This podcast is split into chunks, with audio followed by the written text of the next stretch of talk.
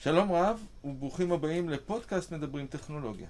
היום נדבר על טכנולוגיות המיועדות לסייע למטפלים. כיצד טכנולוגיה יכולה לסייע לאלו שמטפלים באדם עם קושי בתפקוד. לצורך כך הזמנו את שושי גולדברג מאיר, מרפאה בעיסוק ומנהלת מקצועית של מלבד שיבא בתל השומר. שלום שושי. שלום. שושי, תוכלי לספר לנו על אה, מלבד שיבא ופעילותה? מלבד אה, מזה כ-40 שנה נותנת שירות של מידע וייעוץ, הדרכה, על כל מה שקשור בטכנולוגיה מסייעת. אה, אנשים שמחפשים פתרונות טכנולוגיים בעקבות מצב בריאותי כזה ואחר, מקבלים אותו פה באמצעות אנשי מקצוע שעוזרים להם להגדיר את הבעיה ולפתור אותה באמצעות מוצרים מסחריים, מוצרי מדף או התאמות שבונים להם מתנדבים על פי צרכם, צרכים אינדיבידואליים. ב-1 לאפריל אנחנו הפכנו להיות מחלקה בבית החולים, שיבא, אה, וזה אומר שאנחנו נותנים שירות למטופלים בבית החולים, אה, וכמובן ממשיכים לתת שירות לכל מי שפונה בכל קצוות הארץ. שושי, אה, בדרך כלל כשאנחנו מדברים על משתמשי קצה של טכנולוגיה מסייעת, אנחנו מדברים על האנשים עצמם שהטכנולוגיה מסייעת להם לשפר את התפקוד. היום נדבר על אנשים שאמונים על הטיפול. תוכלי לספר לנו מי נמצא בקבוצה הזו? מדובר בקבוצה הטרוגנית מאוד, החל מבני זוג שאחד מהם מטפל בשני, אה, הורים לילדים שמטפלים בילדים עם צרכים מיוחדים, ילדים להורים שמטפלים בהוריהם, אה, מטפלים במסגרת חוק סיעוד לפי שעות, עובדים זרים, תמהיל של כל מה שאמרתי, וגם מטפלים בבתי אבות. אנחנו יודעים שאחת הבעיות הגדולות היא שחיקת יתר ועזיבה של מטפלים סיעודיים אשר נדרשים לבטא, לבצע מטלות פיזיות, כגון העברה של המטופל. תוכלי לספר לנו איזה פתרונות קיימים שיכולים לסייע למטפלים האלה? אחד הפתרונות הידועים בתחום הזה זה מנופים. המנופים אה, לעיתים קרובות ידועים לשמצה, ולא בצדק. המשתמשים בהם אה, חווים הרבה פעמים אה, תחושה פחות טובה בגלל הנראות של המוצר, וגם איזו הרגשה שאם הגעתי לזה, אז מי יודע כמה מצבי קשה. אבל אם אנחנו נתעלם רגע מהרגשות ונתייחס למוצר עצמו, המוצר באמת יכול לעשות שינוי גדול. הוא בנוי משני חלקים. מבסיס עם מנגנון שמרים, אה, וממנשא, או sling, או ערסל, אה, שהוא בעצם הדבר שמחבר בין האדם שמעבירים אותו, לבין המכשיר שמרים.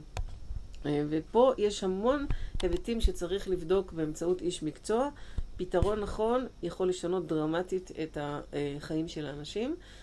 ועוד לפני שמגיעים לשימוש במנופים למיניהם, אה, חשוב לדעת שיש גם מוצרים אחרים יותר פשוטים שיכולים לעזור, כמו קרשי החלקה, דיסקיות מסתובבות ועוד. ומוצרים ממש פשוטים, קרש החלקה זה מתקן מעץ אה, שיש לו כל מיני צורות וגזרות, אבל באופן עקרוני זה מעביר מנקודה לנקודה, מאיפה שאני יושב עליו לאן שאני רוצה לעבור אליו בישיבה. אה, הדיסקית המסתובבת מאפשרת לעמוד על זה ולשנות זוויות, או לשבת ולשנות זוויות. אמ, וזה גם יכול לעזור אה, בהעברה תוך כדי עמידה וגם בהעברה מישיבה לישיבה. אה, פתרונות פשוטים.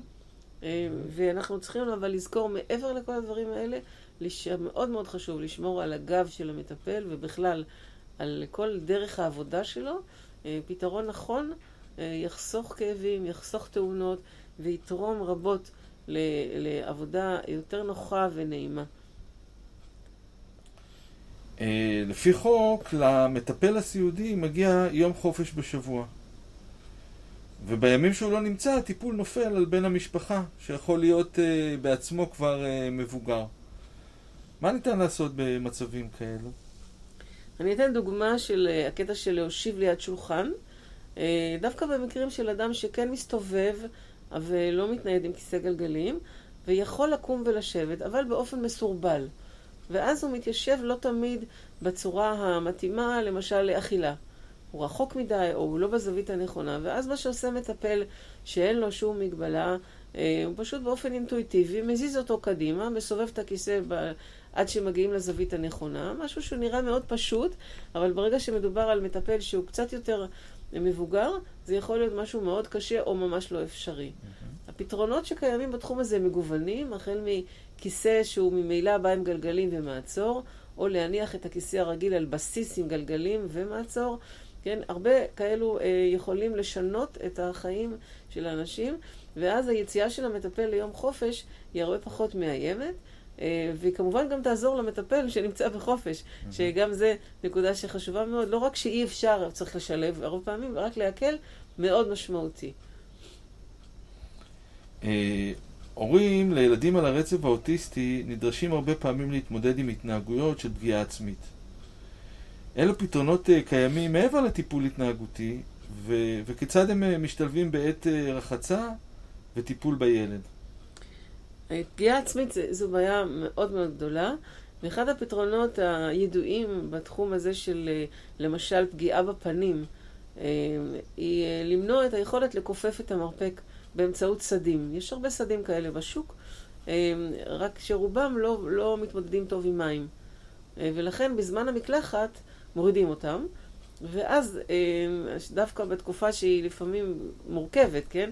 בזמן של רחצה, אה, אנחנו כן רוצים אה, למנוע את ההגעה לפנים. אה, פתרונות שאנחנו מצאנו, הם נראים כמו חתיכת אריג שבתוכו מושחלים כפיסים נוקשים, והם בעצם גורמים לנו למניעה של הכיפוף במרפק. זה, זה חומר שאפשר לרחוץ אותו, הוא מתייבש בקלות, לא קורה לו כלום, הוא גם מאוד זול, ומתנדבים שלנו תופרים אותו. Mm-hmm. פתרון מעולה, חוסך המון מצוקה. שושי, אה, טיפול אה, בהורים מתבגרים עם אה, ירידה קוגניטיבית הוא אתגר גדול מאוד.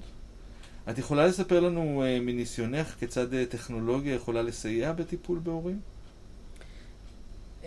אני אספר על אימא שלי, זיכרונה לברכה, שהתמודדה עם אלצהיימר במשך כ-17 שנים, ואחת הבעיות הגדולות שהיו בזמנו היו לשמור עליה מקימה בלילה, היא הייתה מתעוררת ולא יודעת שזה לילה, ומנסה mm-hmm. לקום, והיו הרבה סיכונים בעניין הזה. ובזמנו בנו מתנדבים של מלבד, אה, פתרון שברגע שהיא קמה, אה, הפעיל צליל שהעיר אה, את אבא שלי בזמנו, ואחר כך את המטפלת. כעבור שנים בעצם, בעקבות ההתפתחות של הטכנולוגיה, אפשר לקנות את הרכיבים האלה בכל מיני אה, בתי מסחר לאזעקות, לבתים חכמים, והמתנדבים שלנו מתאימים אותם כדי שהם באמת יגיבו בצורה הנכונה, רק כשאדם רוצה לקום, שלא יהיה אלארם. אה, ואנחנו מקבלים גם את הצליל גם מחוץ לחדר, אצל המטפל. Mm-hmm. כי הרבה פעמים הצליל מבהיל את המטופל, ואז אנחנו, במקום לחסוך, אנחנו בעצם צריכים להרגיע. אה, אז הכוונה היא באמת כמה שיותר לשמור על הלילה כלילה שקט. והרעיון הוא להתריע אה, לפני שהאדם קם על מנת למנוע את הסכנה של אה, נפילה או של שוטטות.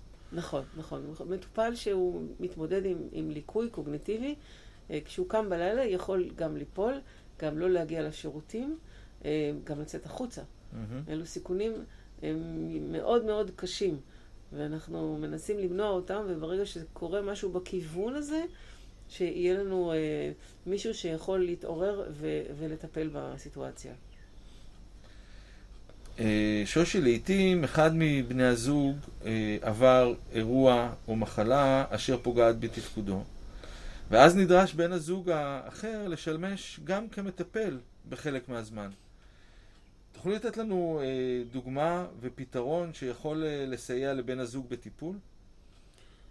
אה, ניקח אה, לדוגמה אה, זוג שמאוד אהב אה, לטייל אה, בפארקים, בטבע, אה, ואחד מבני הזוג אה, החל לאט לאט לרדת מבחינה קוגניטיבית, אה, ועדיין מאוד מאוד אהב אה, לטייל, ועוד יותר מקודם, כי הרבה פעמים שוטטות והצורך ללכת הוא חלק מהסימפטומים שקורים עם ירידה קוגניטיבית, אלצהיימר, דמנציה וכולי.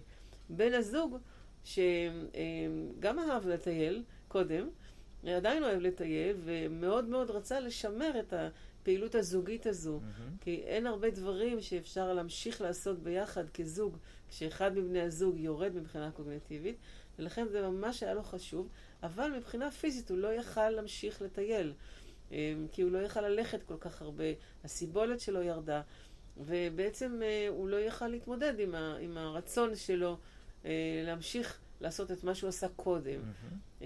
הפתרון בקטע הזה היה סקוטר, שקוראים לו גם קלנועית, ועוד כל מיני שמות דומים לזה, והם מאפשרים בעצם נסיעה כהולך רגל, זאת אומרת, בלי צורך להשתלב בתנועה, לא צריך רישיון, אה, צריך ראייה תקינה כמובן, יכולת להתמודד עם הכלי, אה, וזה אפשר לזוג הזה להמשיך לטייל.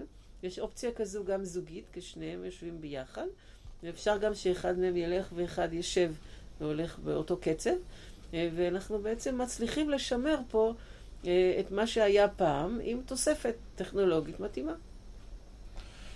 שושי, תודה רבה. אנחנו נזכיר למאזינים שלנו כי ניתן וכדאי לפנות למלבד שיבא לצורך קבלת ייעוץ מקצועי והתנסות בטכנולוגיה. איך בעצם ניתן לפנות אליכם?